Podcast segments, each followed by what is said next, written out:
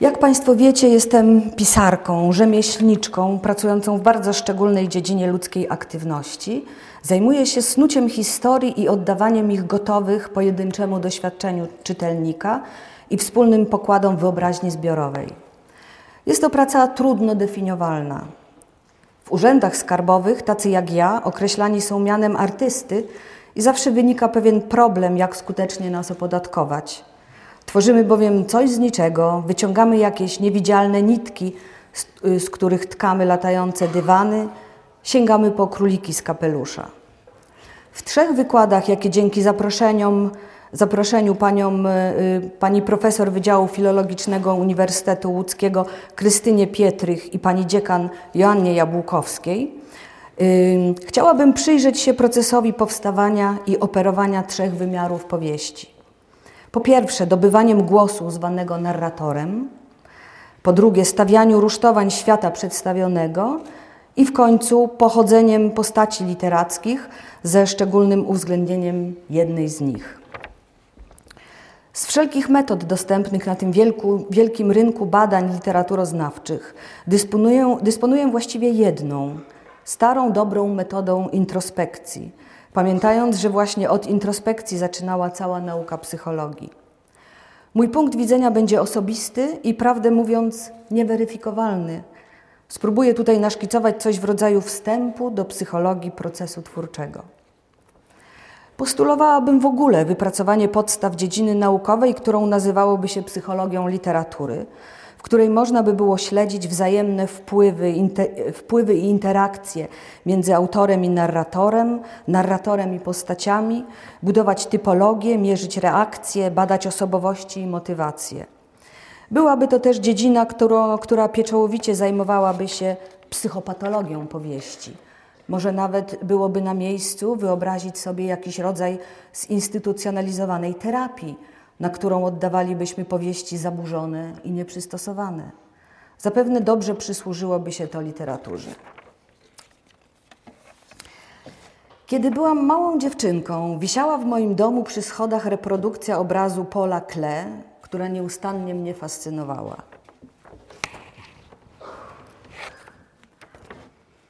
Stawałam na palcach i długo oglądałam każdy szczegół tego prostego na pierwszy rzut oka rysunku, czując głębokie poruszenie i, jakąś, y, i jakiś pełen satysfakcji, jakąś pełną, pełną satysfakcji przyjemność.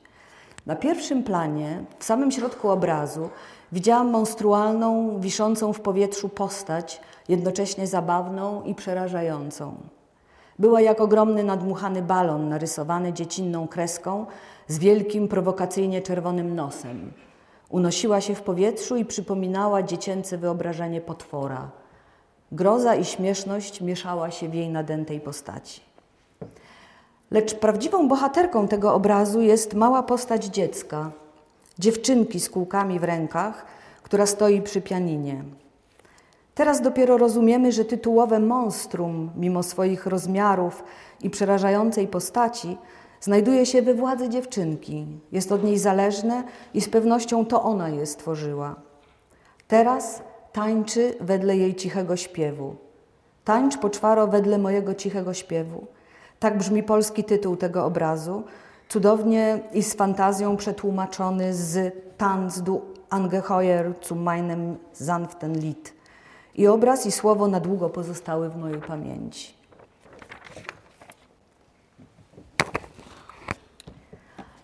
Refleksja nad narratorem własnych opowieści nie pojawia się nagle, i zwykle nie zajmuje nam czasu, dopóki nie usłyszymy własnego głosu odbitego od słów innych. I mnie z początku nie zajmowały te kwestie. Wczesno dojrzały zachwyt nad samym wydawaniem głosu, narcystyczny i dojmujący, przypomina radość dziecka, które zaczyna gaworzyć i ze zdumieniem dostrzega reakcję na własne dźwięki jako zapowiedź, zapowiedź mocy. Piszę, wymyślam. Sprawa wydaje się oczywista i naturalna, jak ruch, mówienie, chodzenie. Młody autor czy autorka, który ulega niezwykle pociągającej radości pisania, często spontanicznie, bezrefleksyjnie przyjmuje, że sprawcą pisania jest to samo ja, którym się jest na co dzień, które śpi, je, ko kocha, podróżuje. Rzadziej zwraca uwagę na to, że z chwilą przenoszenia wizji na papier zostajemy zaangażowani w mało poznany proces psychologiczny, który wykracza poza ustalone granice i otwiera nas na, na jakieś inne, nie do końca zwerbalizowane rejony. Często doświadczam poczucia, że do pisania nie wystarczy dobra historia, najświetniejszy nawet temat, dobrze zrobiony research i wszystkie inne konieczne warunki do pisania. To do, dobrze wiemy. Własny pokój, trochę spokoju, wolny czas, etc., etc. Że autor, autorka musi włączyć specjalny bieg, nurt, bez których opowieść nie zaistnieje. To znaczy pozostanie na zawsze jako migotliwa, niesprecyzowana wizja. Nazwałam go głosem. Dziś mogę przypomnieć sobie te pierwsze próby uchwycenia głosu moich najstarszych powieści, instynktowne, nie do końca świadome, wiercenie się w miejscu, zniecierpliwione rozglądanie się na boki z nadzieją, że znajdzie się tam coś lub ktoś, kto nas wesprze. Kiedy próbuję zdefiniować ów głos, nie chodzi mi wcale o coś dosłownie słyszalnego, co odzywa się w mojej głowie. Nie, wtedy powinnam raczej pójść do psychiatry. Chodzi mi raczej o wewnętrzną dramaturgię. Ten głos jest w swej istocie brzmieniem pewnej przestrzeni, punktem patrzenia czy perspektywą, która jednocześnie staje się pośrednikiem między imaginatywną praformą opowieści, a językiem i w końcu czytelnikiem. Kiedy narrator ukonstytuuje się za sprawą tego głosu, splata się w wewnętrzny monolog albo dialog, który czasami może, być na, może stać się nawet polifonicznym przekrzykiwaniem się. Na początku więc opowiadanie staje się aktem mocy, powtarzaniem biblijnego dzieła stworzenia, gdzie słowo staje się ciałem i jest afirmacją tworzącego, wymyślającego, fantazjującego ja, oddanego do końca imaginacji. Kim jest właściwie to mówiące ja? Ów głos, który znajduje sobie tylko wiadome punkty oparcia, tak, że historia brzmi pewnie i ufnie. Czy tkwi we mnie, gotowe za, każdy, gotowy za każdym razem stanąć do przetargu o temat? Czy może jest to coś, co pojawia się niejako wynajęte na czas opowieści, a potem rozpuszcza się w przepastnych czeluściach psychiki? A może pochodzi z zewnątrz, jest głosem innych bytów, z którym opowiadaczka czy opowiadacz wchodzi w mediumiczne koneksje. W taki właśnie sposób swój warsztat opisywała niedawno Hilary Mantel, mówiąc o pisaniu głośnej książki Wolf Hall.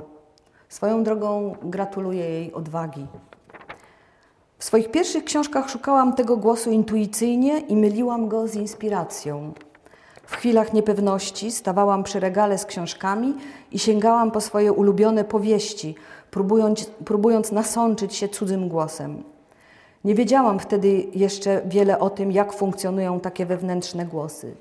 Że mają predylekcje do pewnych tematów, że można je karmić jakąś literaturą lub przeciwnie, zagłodzić inną, że, jedynie, że jedne przychodzą bardziej naturalnie, a o inne trzeba się bić, że z jednymi pracuje się jak po maśle, a od innych trzeba wyszarpywać każdą frazę. Tym samym odkryłam subtelne i tajemnicze istnienie narratora.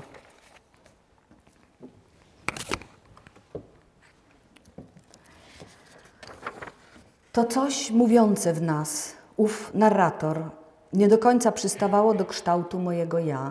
Jego kontury były niby takie same, a jednak czasami wylewały się na boki, biorąc w posiadanie przestrzenie wolne od ja, miejsca na peryferiach, przygraniczne, o istnieniu których nie miałam pojęcia.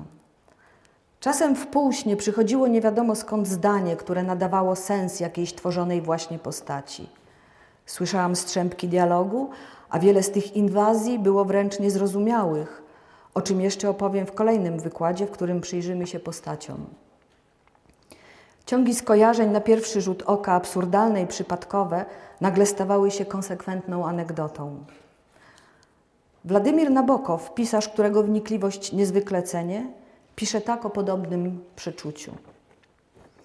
Przypomina to układankę. Jej części wiążą się ze sobą w Twoim mózgu, choć sam mózg niezdolny jest pojąć jak i dlaczego poszczególne kawałki pasują do siebie, a ty doświadczasz przejmującego dreszczyku, wrażenia, iż obcujesz z szaloną magią, jakiegoś wewnętrznego ożywienia, jakby jakaś martwa istota tkwiąca w tobie została wskrzeszona przez musujący lek, który ktoś błyskawicznie spreparował w twojej obecności. Nabokow buduje tu obraz rodem z horroru albo bogatej mitologii opętania, tak ostatnio modnej w pewnych kręgach. Owa martwa istota w nas, która ożywa za sprawą tajemniczego czynnika, budzi się do tego, żeby wydać głos. Przechodzi nas dreszcz i w naszej wyobraźni zapewne pojawia się golem, powoływany do życia zaklęciem, słowem w określonym celu, a potem wygaszanym inną kombinacją znaków zaklęcia. Golem jest istotą ulepioną z gliny, podobnie jak człowiek w hebrajskim micie o stworzeniu świata. Lecz duchem ożywiającym nie jest boskie tchnienie, lecz zaklęcie zapisane na, kras, na skrawku papieru, na którym widnieje jedno słowo emet. W języku hebrajskim słowo to oznacza prawdę. Wymazanie pierwszej litery alef powodowało powstanie słowa met. W języku hebrajskim oznacza śmierć. Ta zwarta instrukcja obsługi mogłaby natchnąć inżynierów IKEA do uproszczenia swoich. Jak pamiętamy, ożywiony golem był pozbawiony duszy i całkowicie zależny od rozkazów człowieka.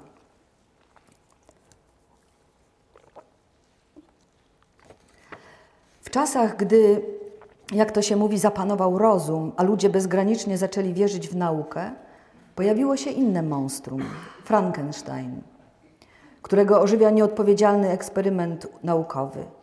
Istota sklejona z fragmentów martwych ciał ludzi, poniekąd istota zbiorowa, zostaje potraktowana czynnikiem jednocześnie mitycznym i naukowym, iskrą elektryczną zamienioną w piorun. Mimo dobrych chęci swoich stwórców, Frankenstein jest nieobliczalny, a przez to śmiertelnie groźny. Z obu tymi postaciami z mitologii popkultury wiąże się element lęku przed utratą kontroli. Powołujemy do życia istoty, żeby wykonały dla nas swoje zadanie lub z czystej ciekawości, lecz nie potrafimy zapanować nad siłami, które uwolniliśmy.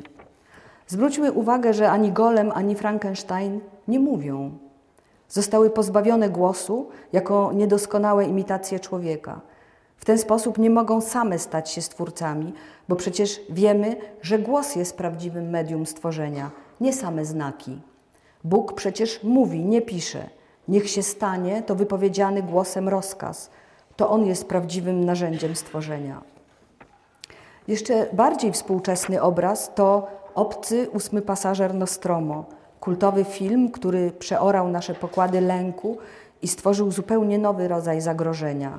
Potwora w nas samych, żyjącego na, na nasz koszt wewnątrz naszego organizmu. Wykorzystuje on nas jako żywiciela. To pasożyt pochodzący z przerażających otchłani kosmosu, obcy powielokroć. Wykluwa się w naszym ciele, zawładając psychiką i dokonując niejako samopowielenia w innych istotach ludzkich. No cóż, pokrewieństwo narratora z monstrami wydaje się ewidentne, choć w przeciwieństwie do nich nie jest on groźny. Nie ma ciała, jest więc niematerialny. Nie włóczy się po okolicy, polując na małe dziewczynki, nie składa jaj w organizmach ludzi. Jest czystym, poniekąd niewinnym głosem. Nie ma się powodu go bać. Nie ukrywam, że nabokowskie sformułowanie martwa istota w nas bardzo mnie poruszyło, bo przypomniało moje własne intuicje procesu, który dokonuje się wewnątrz mnie. Coś ożywa, coś się budzi, Skoro da się jednak ożywić musującym lekiem, to nie jest do końca martwe, raczej tylko pozornie martwe, zasuszone, jak róża pustyni, która we właściwym środowisku rozkwita i wraca do życia. To coś uśpionego, co ujawnia swą moc niczym nieaktywny gen, przyniesiony z zamierzchłej pradawnej przeszłości, którego obudzi dopiero niepowtarzalna kombinacja warunków i okoliczności. A może to głos skrypty, mowa umarłych, jak chciałaby Hilary Mantel.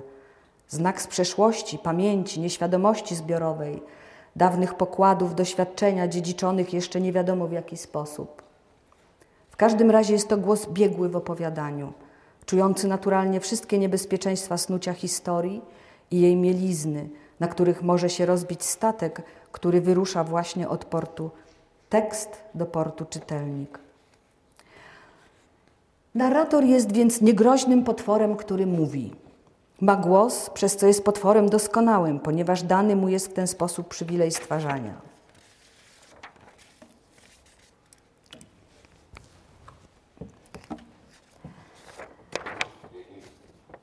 Pierwszy raz świadomie zaczęłam zastanawiać się narratorem w czasie pisania Domu Dziennego, Domu Nocnego.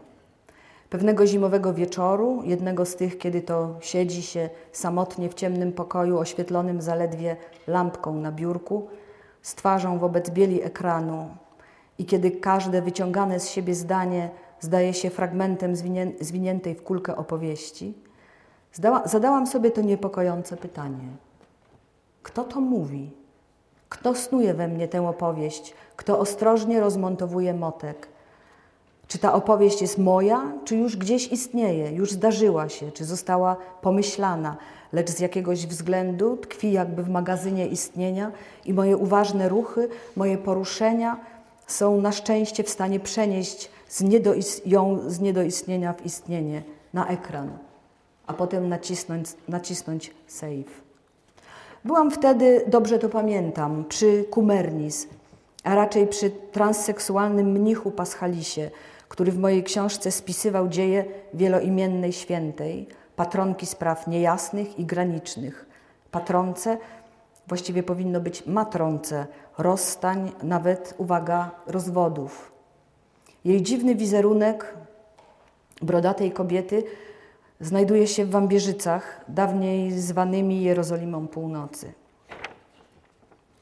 Muszę tu zrobić małą dygresję na temat mnicha Paschalisa. Jest starszy niż mogłoby się to wydawać.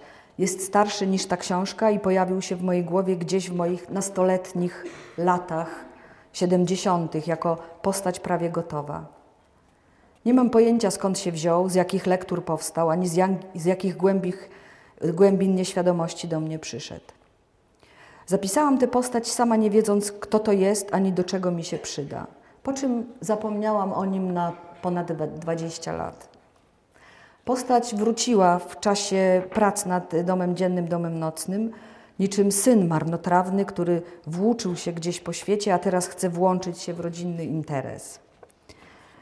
Pojawił się jako narrator drugiego rzędu, który od razu z energią bierze się za opowiadanie i natychmiast wywija gęsim piórem, zapisując apokryficzny żywot świętej Kumernis. Paschalis spisuje historię, historię mitycznej kobiety o wielu imionach.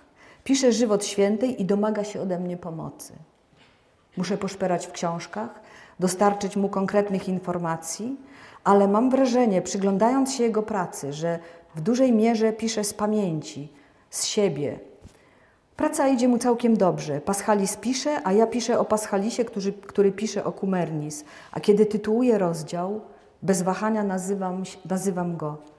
Kto spisał żywot świętej Kumernis i skąd to wszystko wiedział?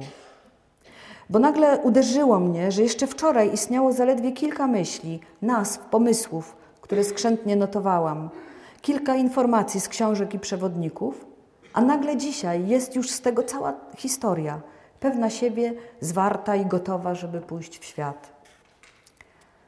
Skąd narrator wie to, co opowiada? Czy stwarzanie odbywa się najpierw w myślach i potem przenoszone jest na papier czy ekran? Czy może powstaje w samym akcie pisania? Są książki, które piszą się same, same, kiedy znajdzie się dla nich taki głos. Inne potrafią latami na niego czekać, rozpisane w notatki i szkice. Silny, pewny siebie i wszystko wiedzący narrator prawieku ze swoją skłonnością do krótkich zdań i nieco biblijnej frazy sprawił, że pisanie tej książki było czystą przyjemnością. Pisałam ją z łatwością, ufając radykalnym rozstrzygnięciom narratora, narratora o podziale tekstu, o naznaczeniu wyraźnej granicy miejsca akcji, y, to ten prawiekowy głos pomógł mi także odkryć moc fragmentu. Pamiętam też, że ów narrator prawieku kazał mi przy redakcji ostatecznej książki wykreślić z niej wszystkie imię, imię słowy. Nie podobały mu się. Ale są i takie książki, które wymagają długotrwałych negocjacji i czasami narrator jest kapryśny, pojawia się i znika.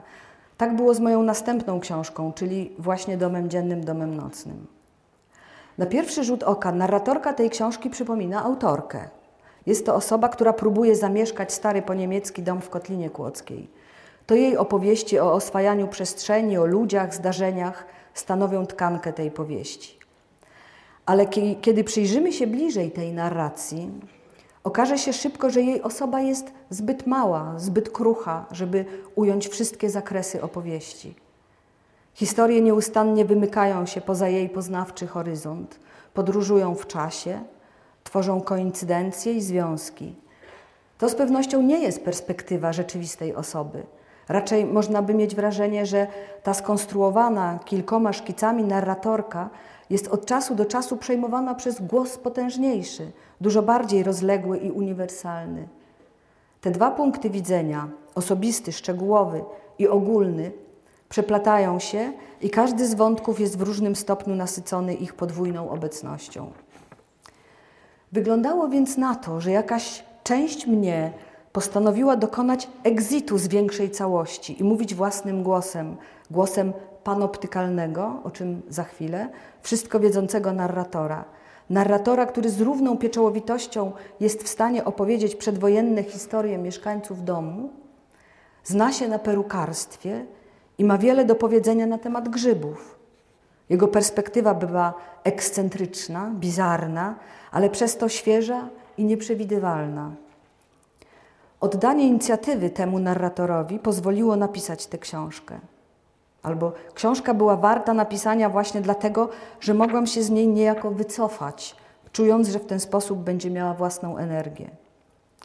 Ta nowa perspektywa czegoś, co przejmuje opowiadanie, powoduje zwykle przyspieszenie tempa pracy. Zaczyna się podchodzić do pisania jak do pracy w fabryce. Siadasz i piszesz, po prostu. Główny narrator domu dziennego, domu nocnego kazał mi zawrócić na sam początek tej książki, gdzie się przedstawił. I teraz początek y, domu dziennego, domu nocnego. Pierwszej nocy miałam nieruchomy sen. Śniło mi się, że jestem czystym patrzeniem, czystym wzrokiem i nie mam ciała ani imienia.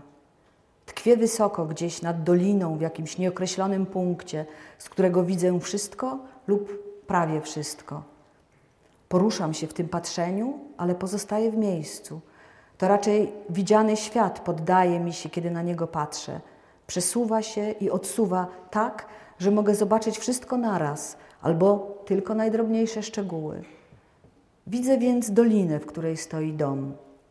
W samym jej środku, ale to nie jest mój dom ani moja dolina, bo do mnie nic nie należy, bo ja samo do siebie nie należę, a nawet nie ma czegoś takiego jak ja. Widzę kolistą linię horyzontu, który zamyka dolinę ze wszystkich stron. Widzę wzburzony, mętny potok, który płynie między wzgórzami. Widzę drzewa potężnymi nogami wrośnięte w ziemię, jak jednonogie, znieruchomiałe zwierzęta. Bezruch tego, co widzę, jest pozorny. Gdy tylko zachcę, mogę przenikać przez pozory. Wtedy pod korą drzew zobaczę ruchome strumyczki wody i soków, które krążą tam i z powrotem, w górę i w dół. Pod dachem widzę ciała śpiących ludzi i ich bezruch także jest pozorny. Delikatnie pulsują w nich serca, szemrze krew, nawet ich sny nie są rzeczywiste, potrafię bowiem ujrzeć, czym one są pulsującymi kawałkami obrazów. Żadne z tych śniących ciał nie jest mi bliższe, żadne dalsze. Po prostu na nie patrzę i w ich pogmatwanych, sennych myślach widzę siebie. Wtedy odkrywam tę dziwaczną prawdę, że jestem patrzeniem, bez refleksji, bez żadnej oceny, bez uczuć. I zaraz odkrywam inną rzecz, że potrafię patrzeć także poprzez czas, że tak samo jak zmieniam mój punkt widzenia w przestrzeni, mogę go zmieniać także w czasie, jakbym było strzałką na ekranie komputera, która jednak porusza się sama z siebie, albo po prostu nie wie nic o istnieniu poruszającej nią dłoni. Tak śnie, wydaje mi się, nieskończenie długi czas. Nie ma przed i nie ma po. Nie oczekuję też niczego nowego, bo nie mogę ani nic nabyć, ani stracić. Noc się nigdy nie kończy, nic się nie dzieje, nawet czas nie zmienia tego, co widzę. Patrzę i ani nie poznaję nic nowego, ani nie zapominam tego, co zobaczyłam. Kim jest ten, ta, to, która na samym początku na chwilę odkrywa swoją tożsamość? Czy jest to, ta, czy jest to właśnie ta martwa istota, którą ożywiłam i za którą od tej pory będę podążać? Zaś ona w swoich metamorfozach, ingerencjach, aneksach i posesjach nada ramy bogatemu, ale chaotycznemu nurtowi mojej imaginacji. Wejdzie ze mną w skomplikowane relacje, będziemy odtąd dzielić się punktami widzenia, będziemy naciągać w swoje strony delikatną i skomplikowaną materię opowieści. Z pewnością niektórzy z Państwa mogą czuć w tym miejscu pewien dyskomfort z powodu tej dokonywanej przeze mnie dysocjacji. Na pewno jest też ktoś, komu wyda się mój wywód nieco psychiatryczny. Dysocjacja jest jednak ważnym terminem w, te, w tej postulowanej przeze mnie żartobliwie póki co psychologii powieści. Personifikowanie jest dla mnie niezbywalną cechą naszego starego umysłu, pewnego mitologicznego trybu myślenia, które w naszych czasach zostało uznane za infantylne albo prymitywne, a do którego dostęp wciąż mają ludzie, którzy tworzą opowieści.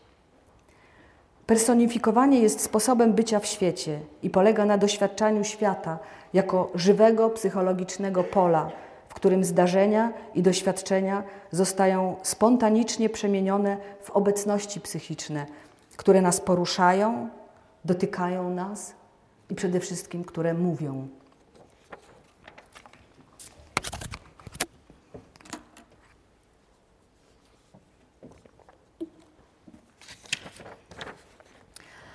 Czasu domu dziennego, domu nocnego zaczęłam spontanicznie własne ćwiczenia z narratora.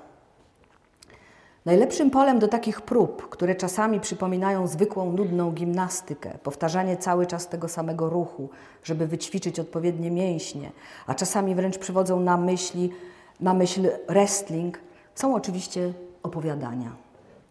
Nie jest więc przypadkiem, że zaraz po zakończeniu książki Wzięłam się za te wszystkie pomysły, które leżały w wylęgarni i czekały na swój głos. Myślę dziś po wielu latach, że zbiór opowiadań gra na wielu bębenkach mogłabym traktować jako taką salę gimnastyczną. Pierwsze opowiadanie, Otwórz oczy, już nie żyjesz, jest bardzo szczególne. Zostajemy tutaj wciągnięci w niepokoje i dylematy pewnej czytelniczki, której nie podoba się czytany kryminał.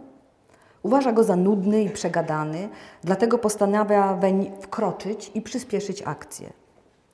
Opowieść relacjonowana jest przez narratora, któremu nie obca jest sama powieść kryminalna czytana przez czytelniczkę, jak i życie i myśli jej samej. Przygląda się i opisuje zatem, yy, przygląda się i opisuje zatem obu instancjom, beznamiętnie relacjonując wydarzenia, lecz umywając od nich ręce. Zaraz potem idzie opowiadanie Szkocki Miesiąc, w którym pierwszoosobowa narratorka, łudząco podobna do autorki, opowiada o swoim wyjeździe na stypendium twórcze do Szkocji.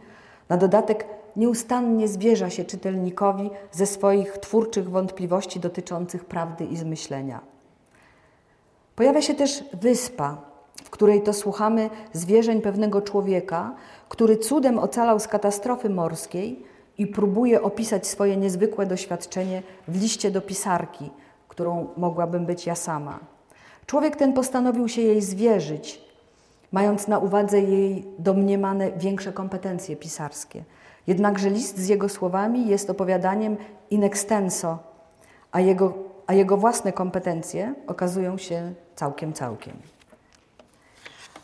Pamiętam wszystkie odmiany przyjemności z pisania tego tomu w tak różny sposób radość zarządzania istniejącymi i nieistniejącymi światami i opowiadania ich z góry, z podniebnego punktu, niczym Duch Święty, jak na przykład Szopka, Ratno, czy wcielenia się w kogoś zupełnie innego i lawirowanie w poszukiwaniu jego specyficznego głosu, jak w wyspie. W końcu mogłam też użyć swojej formalnej tożsamości, jak w opowiadaniu tytułowym, gdzie tożsamości można elegancko zdekonstruować i potem złożyć na nowo. Jeżeli coś sprawia przyjemność w pisaniu, to właśnie ta nieustanna gra ze swoją przepastnością. Kiedy dziś myślę o tym tomie opowiadań, lepiej rozumiem tytuł. Gra na wielu bębenkach jest moją przygodą z potencjalnymi narratorami, z tożsamościami, z którymi pisarz czy pisarka wchodzi w alianse na, na czas pisania. Tom zamyka tekst, którego tytuł jest równocześnie tytułem całego tomu o falowaniu tożsamości, o sięganiu po tożsamości, których używamy jak ubioru i z nich w pewnym okresie swojego życia krystalizujemy to, czym jesteśmy. Grono potencjałów, stowarzyszenie postaci, obsadę ja. Istnieją filozofowie i psychologowie, dla których nie, nie, nie ma realnego, głębokiego ja. Mówią, że to iluzja. Jest tyle ja, ile wokół nas obrazów, archetypów, wydarzeń. Ja to strumień doznań, które gromadzą się na chaotycznym rusztowaniu naszego temperamentu i podstawowych cech psychologicznych, psychologicznych niczym śmieci na gałęzi zanurzonej w nurcie rzeki. W miejsce tej iluzji pojedynczości i integralności istnieje w nas migotliwa wielość, nieskończona potencjalność, której nie jesteśmy, wyczerp- nie, nie jesteśmy w stanie wyczerpać ani zrealizować do końca swojego życia. Ta naturalna wielorakość i wielopostaciowość psychiki oraz jej skłonność do fantazjowania czy śnienia o rozmaitych wyobrażeniowych postaciach nie powinna nas wcale niepokoić. Nie ma w niej nic opętania przez demony. Zresztą cesze tej przyjrzymy się szerzej w wykładzie o postaciach.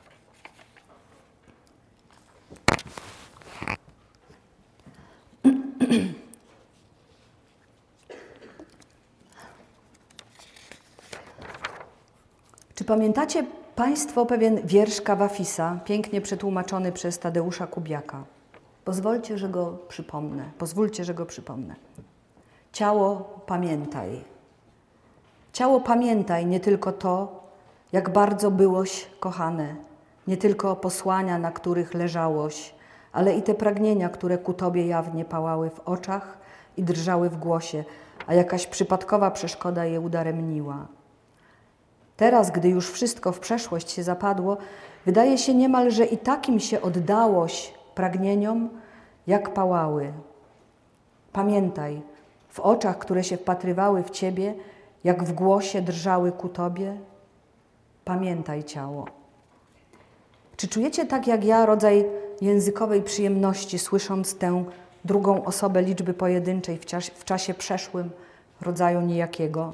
To byłoś, leżałoś, oddałoś, którą uparcie podkreśla jako błąd słownik mojego komputera. Te niezwykłe końcówki czasowników mogą, mogą pojawić się tylko wtedy, kiedy zwrócimy się bezpośrednio do obiektu, kiedy powiemy ty do czegoś, kogoś, co jest poza płcią. Nie ma rodzaju. Popełniamy wielki grzech, porzucając czy ignorując to rozróżnienie subtelnego, powiedziałabym nawet świętego neutrum, na rzecz sprowadzania wszystkiego do pospolitości żeńskie, męskie. Cały ogrom świata mieści się przecież poza tym upowszechnionym prostactwem.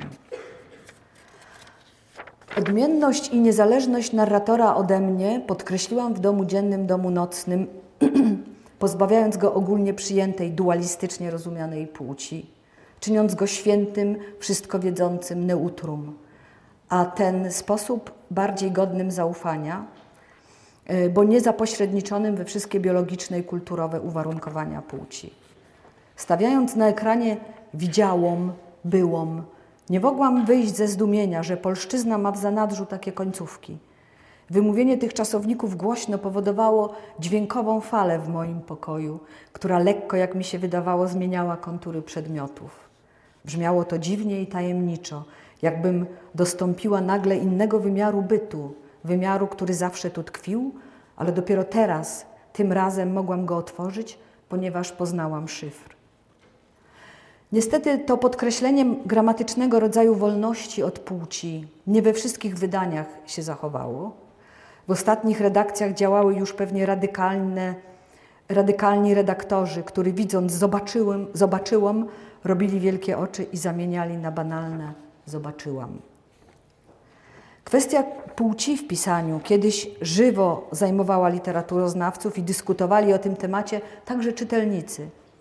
Jako zwłaszcza autorka kobieta należało mieć pogląd na temat literatury kobiecej.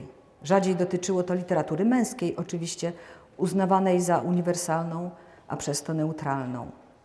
A wynalezienie kategorii genderu trochę uporządkowało sprawę.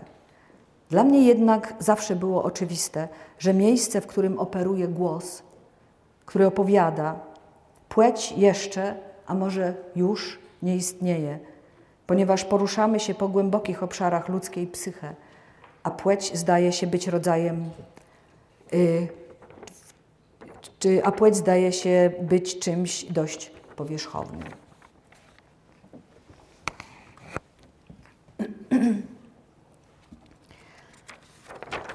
Psychologicznie rzecz biorąc, powołanie do życia narratora jest procesem wycofywania się, kurczenia.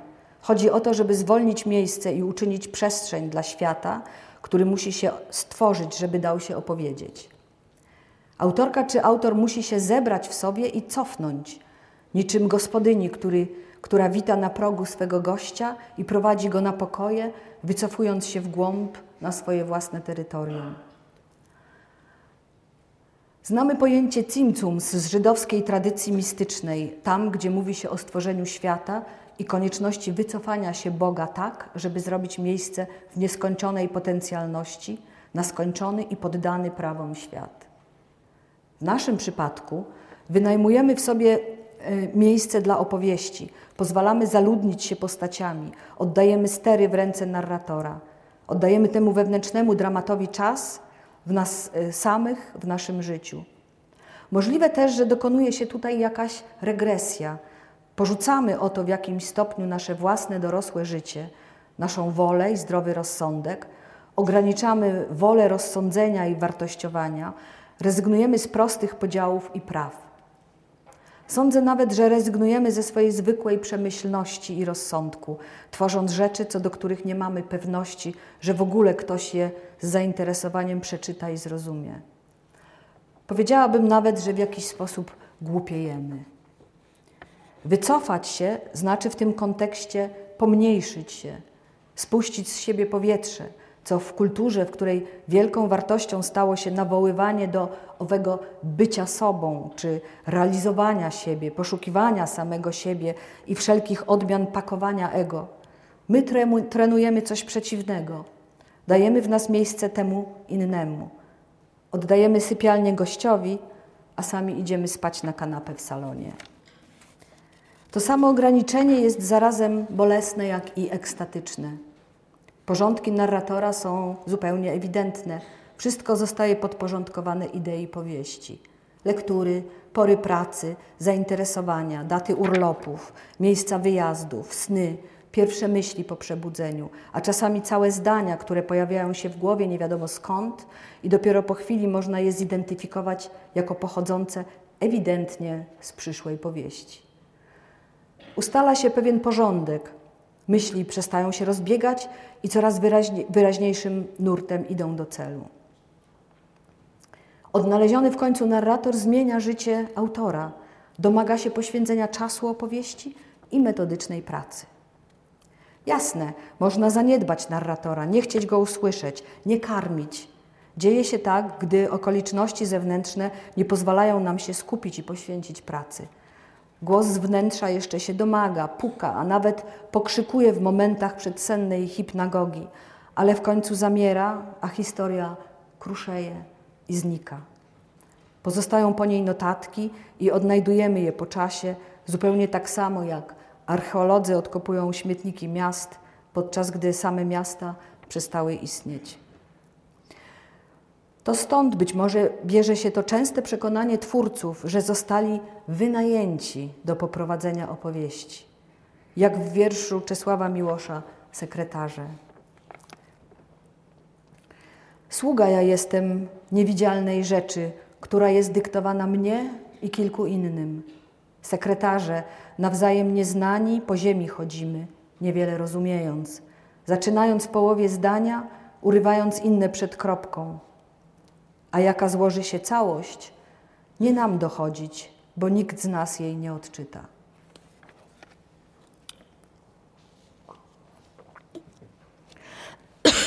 Przepraszam.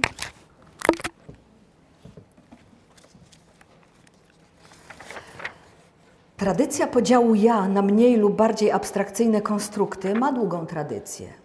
Począwszy od klasycznego podziału na duszę i ciało, a skończywszy na Freudzie, który widzi w naszej psychice trzy siły, które względem siebie niezależne, a nawet wrogie, czynią nasze ja polem przepychanek i walki. Ego, it, superego. Z pewnością jednak brzytwa Okhama to narzędzie, które nie działa w świecie imaginacji. Może jest to nawet y, cecha sine qua non pisarek i pisarzy, że mnożą byty bez opamiętania. Dlatego wielką przyjemność sprawiały mi wszelkie systemy oparte na rozbijaniu całości na mniejsze, współpracujące bądź nie ze sobą składniki. Trójca Freuda powinna być jak najprędzej poprawiona. Trójca powinna się zamienić w tetratyks, czwórce, a do ego, it i superego powinien być dołączony narrator. Siła przekraczająca granice ja, jako czysta siła komunikująca pozostałe trzy ze światem. Może narrator jest po prostu tą komunikatywną częścią naszej psychiki, bez której nie, mogło, nie byłoby możliwe zbudowanie jakiegokolwiek społeczeństwa. Trójca Freuda wydaje się być dość wsobna, monada zorientowana na ekonomię wewnętrzną, która ze światem ma dość chłodne kontakty za pomocą popędów lub i zakazów i nakazów. Tymczasem opowieści snute spontanicznie i naturalnie, rozsnuwane na wszystkie strony, tworzą coś w rodzaju sieci, która oplata świat. To ciekawe, że rozwój człowieka można by ukazać gęstnieniem i umacnianiem się tej właśnie sieci. O ile same opowieści zmieniają się niewiele albo wcale, o tyle ich sieć, narzędzie przekazu, jest jedną z najbardziej, najszybciej ewoluujących i postępujących. A może jeszcze inaczej. Narrator jest to coś w rodzaju gadziego mózgu w nas, starą strukturą, ewolucyjnie niezastąpioną, ponieważ to dzięki niej świat jest opowiadalny, a więc możliwy do zrozumienia i przede wszystkim do zmiany. Opowiadalność świata natychmiast wystawia go na możliwość istnienia innych wersji, co samo już może być początkiem rebelii. Może narrator jest odwieczny i istnieje od powstania ludzkiego gatunku i należy do sfery narratorium, gdzie nakręcają się rytmy życia, a chaotyczne procesy entropii porządkują się w linearne schematy fabularne. Tutaj powstaje rytm opowieści, a fantasmatyczne wyobrażenia splatają się w mity i archetypy. W swojej głębokiej naturze narrator jest przeciw językowi potocznemu, przypadkowemu, fatycznemu, takiemu, który nie jest w stanie oddać wielowarstwowości i skomplikowania ludzkiego doświadczenia. Narrator jest tym czynnikiem, katalizatorem, który próbuje przenieść doświadczenie jednego człowieka wprost do doświadczenia drugiego człowieka za pomocą opowieści, procesu skomplikowanego, wielopoziomowego. Jednak narrator używa języka tylko jako narzędzia. Z jego pomocą porządkuje w czasie i przestrzeni bezczasową i aprzestrzenną, kontuicyjną imaginację w linearny, rytmiczny i konkretny tok opowieści.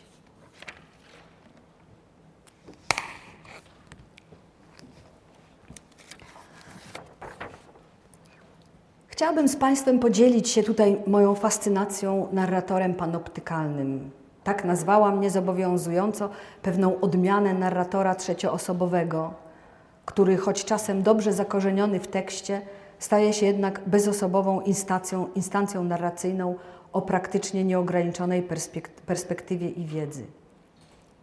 Jest to fikcyjna postać, którą wyczytujemy niejako z całości tekstu. Niewyraźna obecność, którą znamy jedynie z głosu i punktu widzenia. Jej cechy nie są istotne to katalizator, miejsce między autorem i kosmosem opowieści, niczym radar albo wielki teleskop, albo jakaś inna maszyna, maszyna do patrzenia. Ma dostęp do niezapośredniczonej wiedzy, dysponuje czymś w rodzaju intuicji, czy lepiej powiedzieć właśnie kontuicji, czyli umiejętności zobaczenia wszystkiego jednocześnie i błyskawiczne. spontaniczne dopasowanie do siebie wielu danych i uchwycenie całej ich złożonej istoty w jednym przebłysku myślowym. Ten narrator jest także tłumaczem. Stoi odwrócony do świata sezamu, fatamorgan, obrazów, falujących i nieuchwytnych miraży i mierzy się z jego nieskończonym bogactwem. Co jakiś czas odwraca się i próbuje opowiedzieć to, co widzi. Sam nie ma kształtu ani tożsamości, ale potrafi przejąć każdy kształt i każdą postać. Wtedy jego zmysły się wyostrzają, pojawia się twarz, a czasami nawet jakieś imię i nazwisko. Pisze jego, ale to oczywiste, narrator nie ma płci. Jego zmysły postrzegają bogactwa niezmierzonego sezamu wybiórczo, specjalizują się, jak zmysły owada, spośród milionów bodźców skupiają się tylko na wybranych. Gdybym miała znaleźć przykład przybliżający ten szczególny punkt opowiadania, wystarczy sięgnąć z nadbiórka i wyciągnąć lalkę Bolesława Prusa. I jak zwykle przeczytać początek powieści, ponieważ narratorzy zawsze kłaniają się nam i pokazują choćby przez chwilę swoją tożsamość w pierwszych akapitach powieści. Czytam teraz ten początek początkach roku 1878, kiedy świat polityczny zajmował się pokojem sanstefańskim, wyborem nowego papieża albo szansami europejskiej wojny, warszawscy kupcy, tudzież inteligencja pewnej okolicy krakowskiego przedmieścia, nie mniej gorąco interesowała się przyszłością galanteryjnego sklepu pod firmą J. Mincel i S. Wokulski. W renomowanej jadłodajni, gdzie na wieczorną przekąskę zbierali się właściciele składów bielizny i składów win, fabrykanci powozów i kapeluszy, poważni ojcowie rodzin, utrzymujący się z własnych funduszów i posiadacze kamienic bez zajęcia, równie dużo mówiono o uzbrojeniach Anglii jak o firmie, jak o firmie J. Mincel i S. Wokulski. Zatopieni w kłębach domu cygar, dymu cygar i pochyleni nad butelkami z ciemnego szkła, Obywatele tej dzielnicy, jedni zakładali się o wygraną lub przegraną Anglii, drudzy o bankructwo Wokulskiego. Jedni nazywali geniuszem Bismarka, a drudzy awanturnikiem Wokulskiego. Jedni krytykowali postępowanie prezydenta McMahona, inni twierdzili, że Wokulski jest zdecydowanym wariatem, jeżeli nie czymś gorszym. Pan Deklewski, fabrykant powozów, który majątek i stanowisko zawdzięczał wytrwałej pracy w jednym fachu, tudzież radca Węgrowicz, który od 20 lat był członkiem opiekunem jednego i tego samego Towarzystwa Dobroczynności, znali S. Wokulskiego najdawniej i najgłośniej przepowiadali mu ruinę. Na ruinie bowiem i niewypłacalności, mówił pan Deklewski, musi skończyć człowiek, który nie pilnuje się jednego fachu i nie umie uszanować darów łaskawej fortuny. Zaś radca Węgrowicz po, każdy, po każdej równie głębokiej sentencji swego przyjaciela dodawał Wariat, wariat, awanturnik. Juziu, przynieś no jeszcze piwa. A która to butelka? Szósta, panie radco, służę piorunem, odpowiadał Juzio. Już szósta, jak ten czas leci. Wariat, wariat, mruczał radca Węgrowicz. Widzimy tutaj zestawienie ze sobą i powiązanie kilkoma zgrabnymi zdaniami świata politycznego i niejakiego Wokulskiego, który martwi kupców warszawskich siedzących przy winie. Ów świat polityczny wydaje się być widziany z góry, z wysokiej perspektywy, która postrzega raczej mapę, a na niej umieszcza wydarzenie ważne dla całego świata. Jak bardzo ważne, to możemy dziś stwierdzić. Kto z Państwa dzisiaj pamięta, co to był ten pokój e, San Stefańskie i jaki to papież zaprzątał wtedy umysły piwoszy na krakowskim przedmieściu. Od tej krótko naszkicowanej mapy wydarzeń politycznych spojrzenie narratora zniża się i zatrzymuje się wewnątrz renomowanej jadłodajni przyplotkujących ze sobą o Wokulskim, właścicielach składów bielizny i etc., etc. oraz posiadaczy kamienic bez zajęcia. Wzrok narratora rozróżnia coraz więcej szczegółów. Bywalcy jadłodajni, jadłodajni indywidualizują się, stają się panem Deklewskim i Węgrowiczem, a w końcu zamiast wielkich ogólników pojawia się między nimi zwyczajny ludzki dialog i szósta butelka piwa. Od tego momentu narrator lalki jest już okiem, lepiej powiedzieć nowocześnie kamerą. Jego zaś kondycja zbliża się do dobrze nam znanego z powieści klasycznej ukrytego narratora wszystko wiedzącego. Jako nałogowa czytelniczka mogę tylko powiedzieć, że uwielbiam ten typ narratora, który widzi wszystko sam, nie będąc widzianym. Czasami ten typ narratora udaje, że jest jakąś postacią zesnutej przez siebie opowieści, a potem nagle ją porzuca i umyka w górę, kreśląc mapy i antycypując odległe wydarzenia albo zaglądając w daleką przeszłość. Lubię go też, jak myszkuje po skrytkach i szufladach. Nieobce jest mu też wnętrze ciała. Widzieć i wiedzieć wszystko jest jednak męczące dla żywiącego go autora czy autorki. Domaga się bowiem utrzymywania bardzo skoncentrowanej uwagi. To wymagająca yoga umysłu. Widząc wszystko przez szeroki obiektyw, widzieć wszystko przez szeroki obiektyw i utrzymać więzi z opowiadaną historią. Paradoksalnie też taka panoptyczność nie służy zaangażowaniu. Równowagą i dążącym do zachowania symetrii przeciwieństwem dla tego panoptykalnego narratora jest zwyczajny narrator pierwszoosobowy, emocjonalnie zaangażowany, pełen idiosynkrazji, afektów i subiektywizmu. Dlatego nader często autor czuje się zmuszony, szukając symetrii i równowagi, powołać do życia w tej samej opowieści, świadomie czy nie, kogoś takiego jak Rzecki i z pewnością wita go z ulgą. Jak de, jakże dobrze rozumiem ten rozpaczliwy gest Prusta, e, Prusa, żeby w którymś momencie wprowadzić jeszcze jednego narratora, pierwszoosobowego, zaangażowanego, sentymentalnego i uczuciowego, który nie tylko przybliży nas do bohaterów, ale podsunie nam ich ocenę, nie ukrywając do nich własnego stosunku. To samo przydarzyło mi się w księgach Jakubowych, kiedy uznałam, że nie da się już tej opowieści ciągnąć w taki trzecioosobowy, prostoduszny sposób. Taka perspektywa wprawdzie opowiadała wszystko, ale dziwnie wyślizgiwały się z jej objęć rzeczy drobne, a jednak niezwykle istotne. Świat tworzą relacje między podmiotami. To one dają mu sens, a jednocześnie podważają podejrzaną prostotę. Narrator pierwszoosobowy wprowadza zupełnie inną perspektywę, przesyconą emocjami, często ambiwalentnymi, i dodaje opowieści jakże potrzebnego i owocnego irracjonalizmu, paradoksu. Kochamy, a jednocześnie nienawidzimy.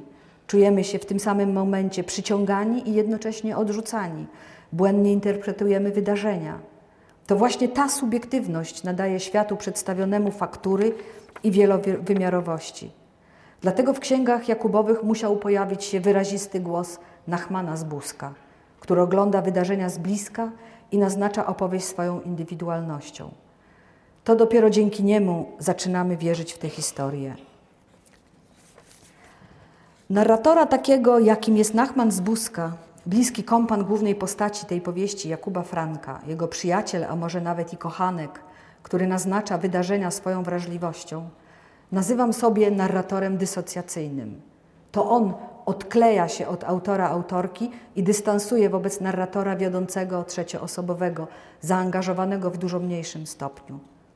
Jest to narrator jak najbardziej autonomiczny. Kiedy dochodzi do głosu, autor musi się podporządkować jego wizji świata i przyjąć za dobrą monetę jego idiosynkrazję i język. Czasami dochodzi nawet do swego rodzaju inwazji Będę zajmowała się dokładniej takim rodzajem opowiadacza w wykładzie trzecim, mówiąc o postaciach literackich. Okazało się więc, że ogrom tej powieści jest zbyt duży na barki klasycznego trzecioosobowego opowiadacza, a nawet biednego Nachmana z Buska. Wciąż pozostawały do opowiedzenia sfery, do których ich wzrok i uwaga nie mogły dosięgnąć. Czas historyczny, duże wydarzenia, które dzieją się nad głowami bohaterów – i które oni widzą zawsze tylko w szczegółach i odbiciach. Ów cały kosmiczny porządek wszelkich synchroniczności, powiązań, wzajemnych wpływów, odniesień, skojarzeń, procesów historycznych i biologicznych. W pewnym momencie pisania poczułam się zupełnie bezradna i miałam wrażenie, że wykorzystałam już wszystkie możliwości narracyjne. Akcja tej powieści dzieje się w ciągu 50 lat na terenie dużej części Europy. Bohaterowie starzeją się, zmieniają nazwiska, status społeczny i język. Bezustannie są w ruchu. Wokół nich kłębi się skomplikowana rzeczywistość, w której idee oświecenia ścierają się z resztkami baroku, Toczą się wojny, zawiązują się konfederacje, na niebie zaś zachodzą spektakularne zjawiska natury. Ludzie umierają i rodzą się nowi ludzie. Jak to wszystko opowiedzieć? Jak stworzyć z tego komunikatywną całość?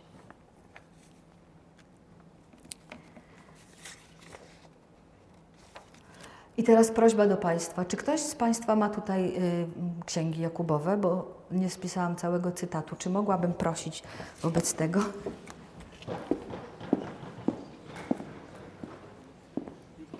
Dobra.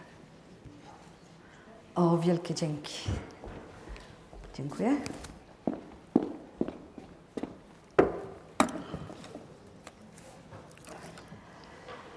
Kiedy pogrążałam się w prawdziwej rozpaczy nad rozgrzebanym tekstem, szast prast niczym duch z lampy Alladyna pojawiła się Jęta, postać, której fizyczne i psychiczne granice nie są już ludzkiej miary. Dzięki temu Jęta spogląda poprzez czas i widzi wszystko. I teraz cytat. Jęta widzi leśne poszycie, małe grudki czarnych jagód, jasne liście młodych dębów przy wejściu do jaskini, a potem całą górę i wieś i drogi, po których szybko mkną pojazdy. Widzi błysk Dniestru jak lśnienie noża i inne rzeki, które niosą wody do mórz i morza obciążone wielkimi statkami przewożącymi towary. I widzi latarnie morskie porozumiewające się okruchami światła. Ta droniczna, powiedzielibyśmy, perspektywa ma ogromną moc i w jakiś sposób odnosi się do rewolucji, w której uczestniczymy wszyscy teraz, w czasach, w których za pomocą jednego kliknięcia można ujrzeć znane miejsca z najmniej oczekiwanych panoptykalnych perspektyw. Żyjemy już w świecie panoptikum i panoptykalny narrator stał się tworem naszych czasów. Kiedy pojawiła się jęta, prace od razu ruszyły jak z kopyta. Mając w świadomości szersze ramy opowieści, które wniosła Jęta, mogąc poruszać się w czasie i budować obrazy panoptykalne, szczegółowe i ogólne zarazem, wycofując się z pochopnych ocen i emocjonalnych przywiązań, mogłam przyjrzeć się losom moich bohaterów na nowo, zobaczyć ich przyszłość i odnaleźć jej sens w przyszłości.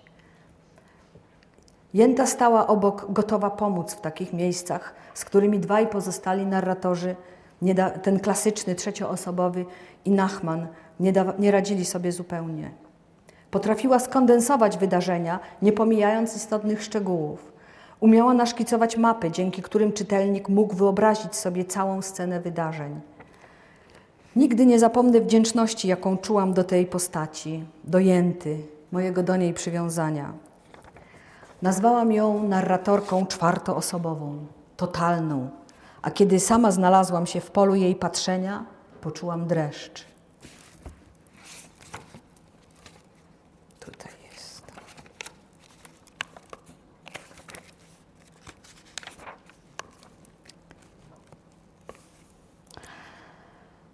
Jęta.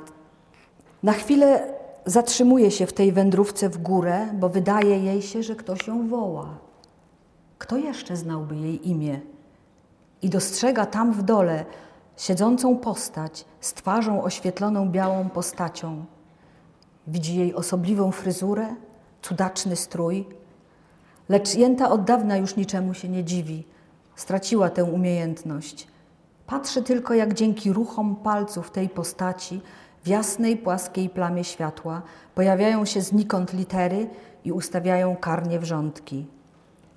Jęcie kojarzy się to tylko ze śladami na śniegu, bo zdaje się, zmarli tracą zdolność czytania. To jeden z najbardziej przykłych skutków śmierci. Tak więc biedna Jęta nie jest w stanie rozpoznać własnego imieniów, imienia w tym Jęta, Jęta, Jęta, które pokazuje się teraz na monitorze. Traci zatem zainteresowanie i znika gdzieś w górze.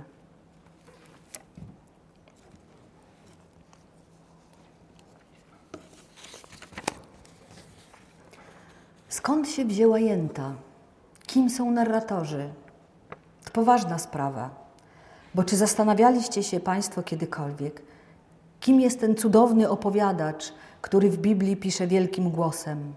Na początku było słowo, który zagląda pod kamień, opisuje stworzenie świata, a zwłaszcza jego pierwszy dzień, kiedy nie było jeszcze firmamentu, na którym cokolwiek mogłoby się wesprzeć, który zna myśli Boga i bez drżenia ręki stawia na papierze to, znań, to zdanie.